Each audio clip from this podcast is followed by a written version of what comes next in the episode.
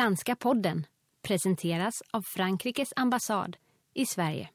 It's a pleasure to have with me today Jacques Lapouge, current ambassador of France to Sweden, who has previously served as French ambassador for climate change negotiations.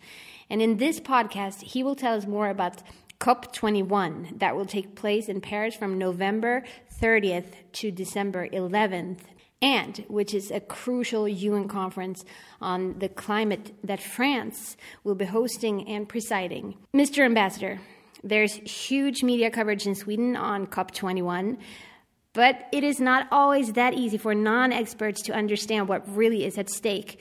Could you help us figuring out what this conference is really about? Perhaps we could start with the meaning of COP21.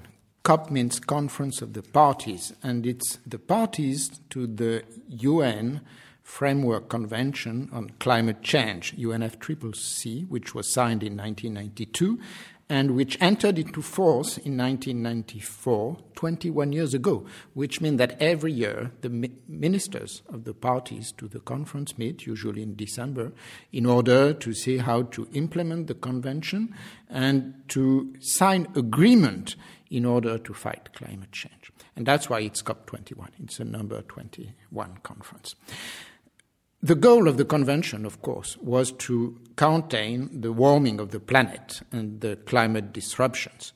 Uh, I'm sure uh, everybody knows the main figures, but for example, the increase in temperature uh, since 1880 was plus 0.85 degree.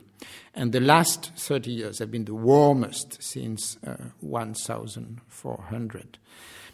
As you know, the fifth IPCC report, the IPCC is this uh, college of scientists from all over the world which uh, uh, studied the data on climate change. And it stated that if we follow the business as usual scenarios, if we don't change anything, the temperature should rise between 2.3 degree and 5.7 degree at the end of this century. And so the consequences, of course, would be uh, extreme meteorological events, huge sanitary problems, uh, problem for the access to water, in particular in the developing countries, but also problem of security. And we have to be aware that with climate change, the number of climate refugees would, would increase massively. And there is a consensus on the need to uh, uh, limit the increase of temperature to 2 degree, to consider that over 2 degree it would be really very dangerous.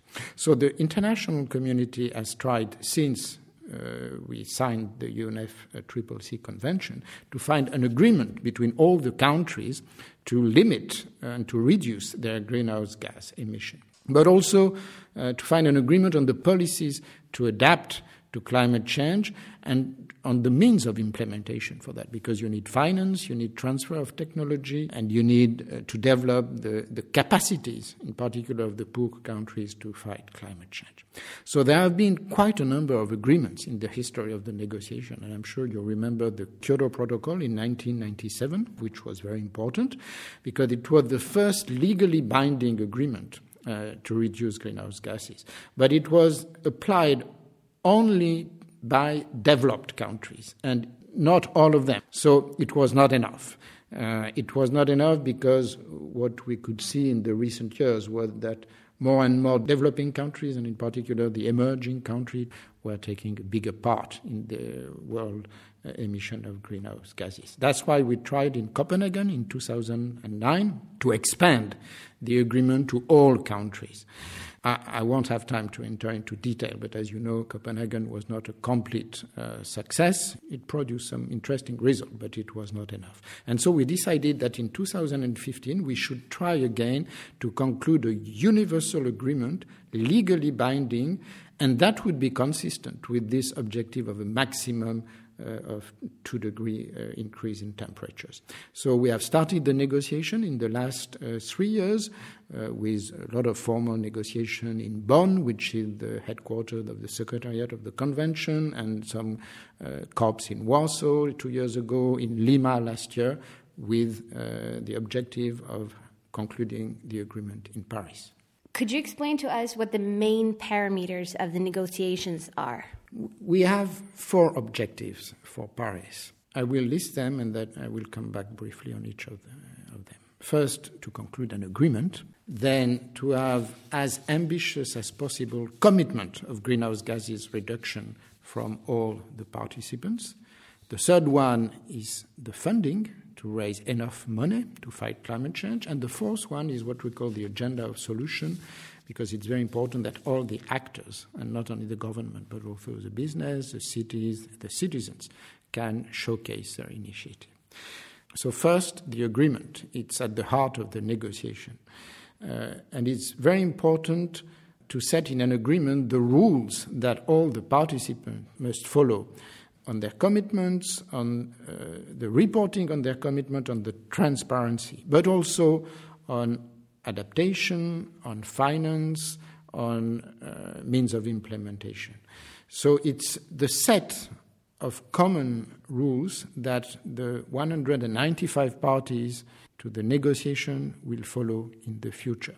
So this text is negotiated in a UN group, and we have formal negotiation, informal one, and the goal is to have in Paris a concise text, not too many pages, and a few decisions, but which should be clear, understandable by everybody, universal, fair, because of course there is an important principle called the principle of differentiation, where the rules are adapted to the level of development of each country. You don't expect from India the same kind uh, of commitment than from uh, European Union, for example. So this is the first result we expect in Paris. It's this agreement. The second result are the commitments on greenhouse gas reduction. We had decided that all the countries should table their commitments before the conference in Paris so that we have time to assess them. And the result is not is pretty good at that time because more than 150 countries, including all the big emitters and covering 80 per, 87% of the emissions in the world, uh, including the EU, of course, uh, the US and China, all these commitments have been tabled.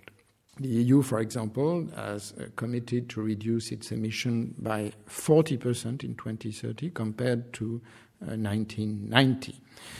So this is a good result. But the question is whether the addition of all this commitment is consistent with the target of a maximum increase of temperature of 2 degrees. It's a little early to tell because uh, we, we will have more commitment and we are expecting a study from the Secretariat of the Convention which will analyze all this commitment. I'm sure you've seen some studies which show that it should be more than 2 degrees, uh, perhaps 2.7 or 3 degrees. But what's important is to devise in the agreement a mechanism which will compel us to review regularly the commitment uh, with rule of no backsliding. You cannot go backwards on your commitment, so as to be sure that in the future, if we are not on the trajectory of two degrees, we will, be, we will be able to come back to this trajectory before the end of the century. And that's one of the things we, we have to work on before Paris. The third goal is funding because we need money, in particular for the developing country. We need money for adaptation, for investing in renewable, for investing in energy efficiency. In Copenhagen, the developed countries had promised that they would transfer $100 billion uh, of funding from the north to the south, private and public funding, from 2020. So we have to be able to assure in Paris in particular to the developing country, that we will fulfill this commitment and that this money will be transferred. Already, we have capitalized the Green Climate Fund uh, uh, to more than $10 billion, which is a very important result. And the fourth uh, goal in Paris is to be able to showcase a convincing agenda of solution. Because the government are important but the non-governmental actors the non-state actors the company the region the city the citizens are as important uh, because they lead by example. And uh, if we can show in paris we have opened a, a portal in the UN website, which is called NAZCA, where everybody can register its initiative individually or collectively. We will be able to show that a movement has been created and that we are really going toward a new clean world and economy. So, to conclude, does this mean that you are optimistic about the possibility to reach a good agreement? Well, it's true that in addition to all these elements I've given you on the contribution, on the funding, there are a number of positive trends. And the first positive one, of course, is the, the general awareness of the risks, the consensus of the scientists and, uh, and of the politics on the diagnosis and on the target of two degree. It was not the case uh, a few decades ago. It's, it's really very clear. Uh, and so the consequence is the mobilization of the political leaders, all the leaders, the leaders in all the countries uh, want an agreement and think an agreement is very important. But not only the leader, the moral authorities. You've seen the encyclical of the Pope, for example, and it's the same for all the religion. So there is a, a real political mobilization. Another interesting element is the acknowledgement that fighting climate change is not only a cost, but also an opportunity to develop new technologies and uh, to develop profitable activities. Uh, we can see more and more companies engage spontaneously in this new climate economy and they create jobs with that. So the mood is not at all what it was again a few years ago when people say, well, fighting climate change is very expensive. You know, it, uh, you, it's contrary to the, the goal of growth. No, it's, it could be a new source of growth uh, fighting climate change. Uh, another positive element is that we see the emergence of a middle ground between the countries from the north and the south. Traditionally, in this kind of negotiation in the UN, there are different views between developed and developing countries. And you still have differences, but you see that uh, there is a, a common uh, awareness of the necessity to, to work together. And uh, for example, we had this very important agreement last year between China uh, and, and, the United States. They are the two biggest emitters and the most important economic powerhouses. Uh, and they agreed um, uh, on the common target. So there are reasons to be confident. But on the other hand, uh, we have to be cautious. We just have one month left and still a lot of work to do. The negotiation of the text is not finalized. The text we have is still too long with a lot of options.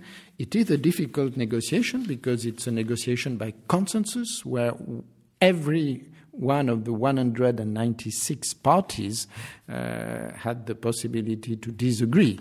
So it's difficult. It's difficult. We are still expecting commitment from some countries. We need more promises of funding, and we just have one month left. And definitely, we need to accelerate and to stay mobilized.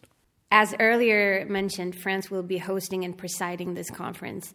More precisely, what does that mean? What is France's role and responsibility in this? Well, first, as the host country, the COP is the huge challenge of organization we will welcome more than 40,000 people in Le Bourget, which is 20 minutes north of Paris, 20,000 delegates and 20,000 representatives of the civil societies. So it means uh, a lot of things to plan for on transport, on hotels, and we will do that in a very green way. Of course, that's the least we could do.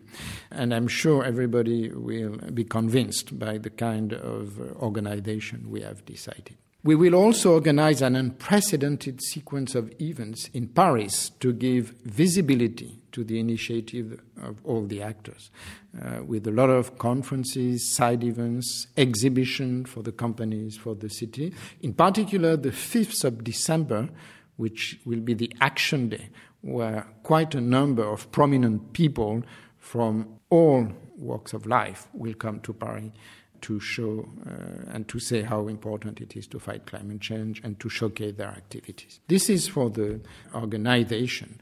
But of course, at the presidency, France also has an important role in the substance and an important political role. We cannot do anything. We are just the presidency, and again, it's a UN negotiation by consensus, and it's a parties driven negotiation. It's not for the presidency, of course, to decide of the result, as you can imagine.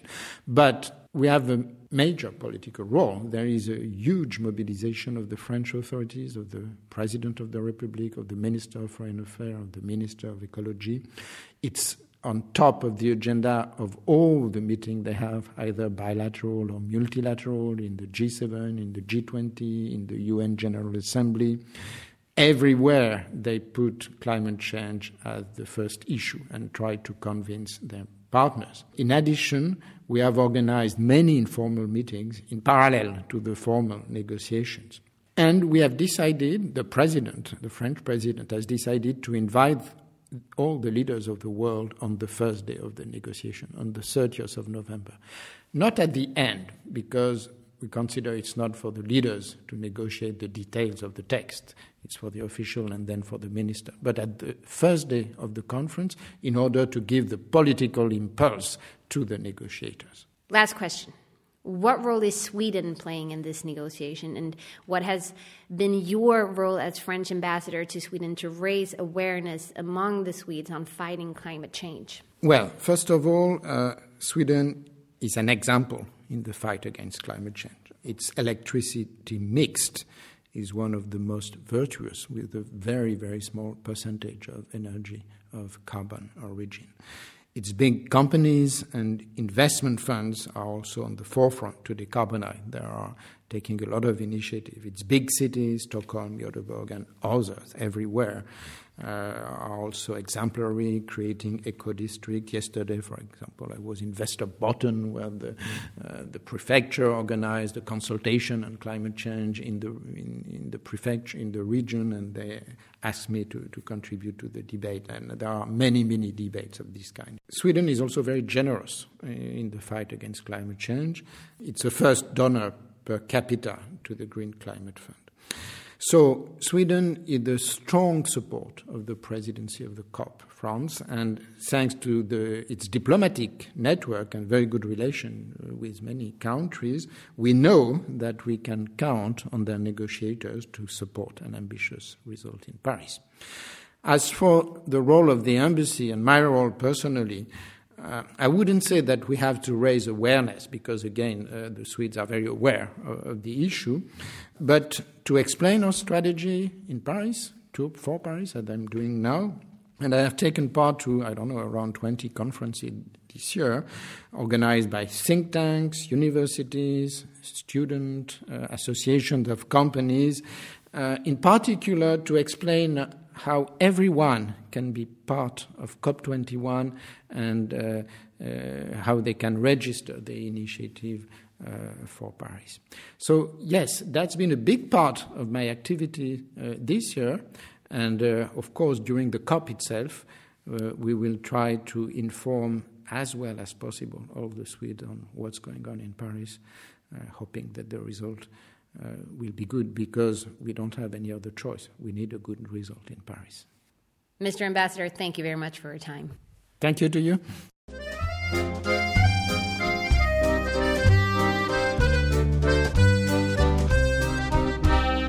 Franska podden presenteras av Frankrikes ambassad i Sverige.